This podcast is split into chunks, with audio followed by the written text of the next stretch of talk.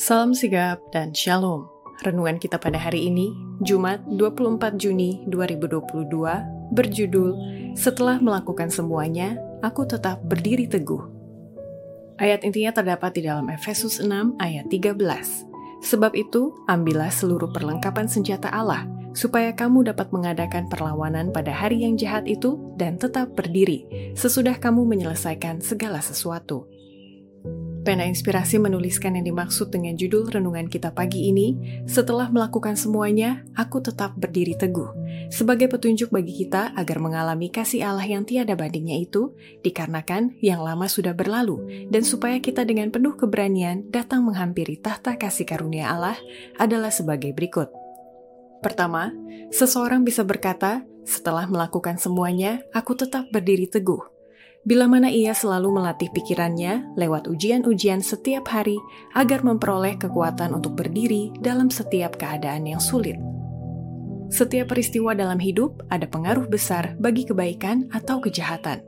Pikiran perlu dilatih oleh ujian-ujian setiap hari agar memperoleh kekuatan untuk berdiri dalam setiap keadaan yang sulit.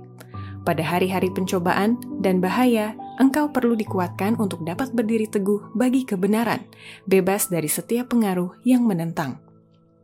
Kedua, seseorang bisa berkata, "Setelah melakukan semuanya, aku tetap berdiri teguh."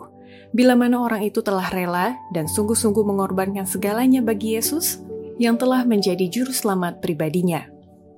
Yesus, juru selamatmu yang mulia, sekarang memanggilmu untuk mengambil posisimu berdiri teguh di atas panggung kebenaran kekal. Jika engkau menderita bersamanya, ia akan memahkotaimu dengan kemuliaan dalam kerajaannya yang kekal. Jika engkau rela mengorbankan segalanya bagi dia, maka ia akan menjadi juru selamatmu. Tetapi jika engkau memilih jalanmu sendiri, engkau akan mengikuti kegelapan sampai akhirnya terlambat untuk mendapatkan upah yang kekal. Ketiga, seseorang bisa berkata, "Setelah melakukan semuanya, aku tetap berdiri teguh." Bila mana orang itu tidak berpaling ke jalur lain yang menimbulkan pertentangan atau yang menimbulkan antagonisme dengan orang-orang yang tidak seiman dengannya. Kita harus bertindak dengan hati-hati supaya kita jangan dianggap sebagai oposisi atau yang menentang kekuasaan sipil. Adalah benar bahwa peperangan kita adalah peperangan yang bersifat agresif, tetapi senjata kita hanyalah yang terdapat dalam demikianlah firman Tuhan. Pekerjaan kita adalah menyediakan satu umat yang dapat berdiri teguh pada hari Allah yang besar. Kita tidak boleh berpaling ke jalur lain, ke jalur yang menimbulkan pertentangan atau yang menimbulkan antagonisme pada mereka yang tidak seiman dengan kita. Keempat, seseorang bisa berkata, setelah melakukan semuanya, aku tetap berdiri teguh.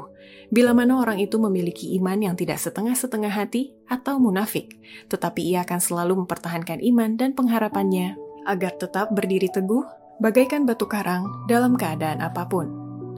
Biarlah timbul pertentangan, biarlah kefanatikan dan kekerdilan jiwa merajalela. Biarlah penganiayaan disulut, sehingga orang yang setengah-setengah hati dan munafik goyah dan meninggalkan iman. Tetapi orang Kristen yang sejati akan berdiri teguh bagaikan batu karang. Imannya bertambah kokoh, pengharapannya makin cerah ketimbang pada masa kemakmuran. Demikianlah renungan kita pada hari ini.